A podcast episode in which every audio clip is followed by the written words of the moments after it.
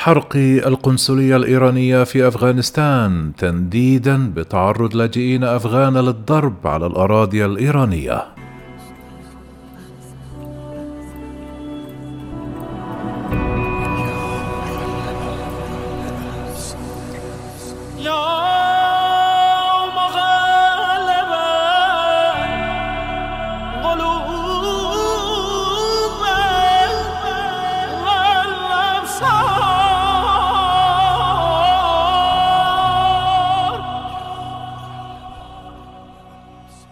احتج عشرات الأفغان مرددين هتافات الموت لإيران أمام القنصلية الإيرانية في مدينة هرات غرب الاثنين. إثر تداول مقاطع فيديو على مواقع التواصل الاجتماعي للاجئين أفغان يتعرضون للضرب في إيران.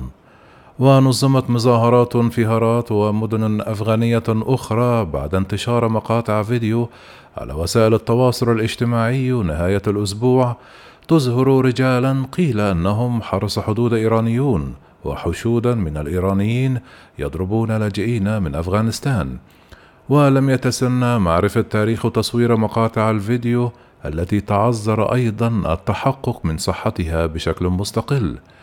استقبلت إيران التي تستضيف أكثر من ثلاثة ملايين لاجئ أفغاني موجة جديدة من الوافدين بعد تولي طالبان السلطة في آب أغسطس من عام 2021 وردد المتظاهرون الذين تجمعوا أمام القنصلية الإيرانية في هرات هتافات بالموت لإيران. إيران دولة قاتلة وفق ما أفاد مراسل وكالة فرانس بريس. كما أحرق المتظاهرون العلم الإيراني وحطموا كاميرات مراقبة تابعة للقنصلية قبل تفرقهم. بعد التظاهرة طلبت وزارة الخارجية الإيرانية من حركة طالبان عبر موقعها الإلكتروني توفير الضمانات اللازمة لعمل بعثاتها الدبلوماسية بأمان في أفغانستان. كانت السفارة الإيرانية في كابول أكدت الأحد أن مقاطع الفيديو لا أساس لها من الصحة وزائفة، وأن نشرها يهدف إلى تقويض العلاقات التاريخية بين البلدين.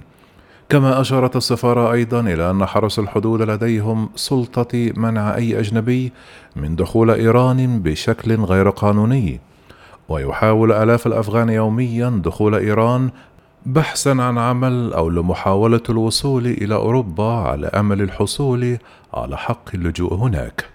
إيران التي تشترك مع أفغانستان في حدود بطول 900 كيلومترا لم تعترف بحكومة طالبان وأقامت طهران علاقات متقلبة مع طالبان طوال فترة حكمها الأولى من عام 1996 إلى عام 2001 من دون أن تعترف بها.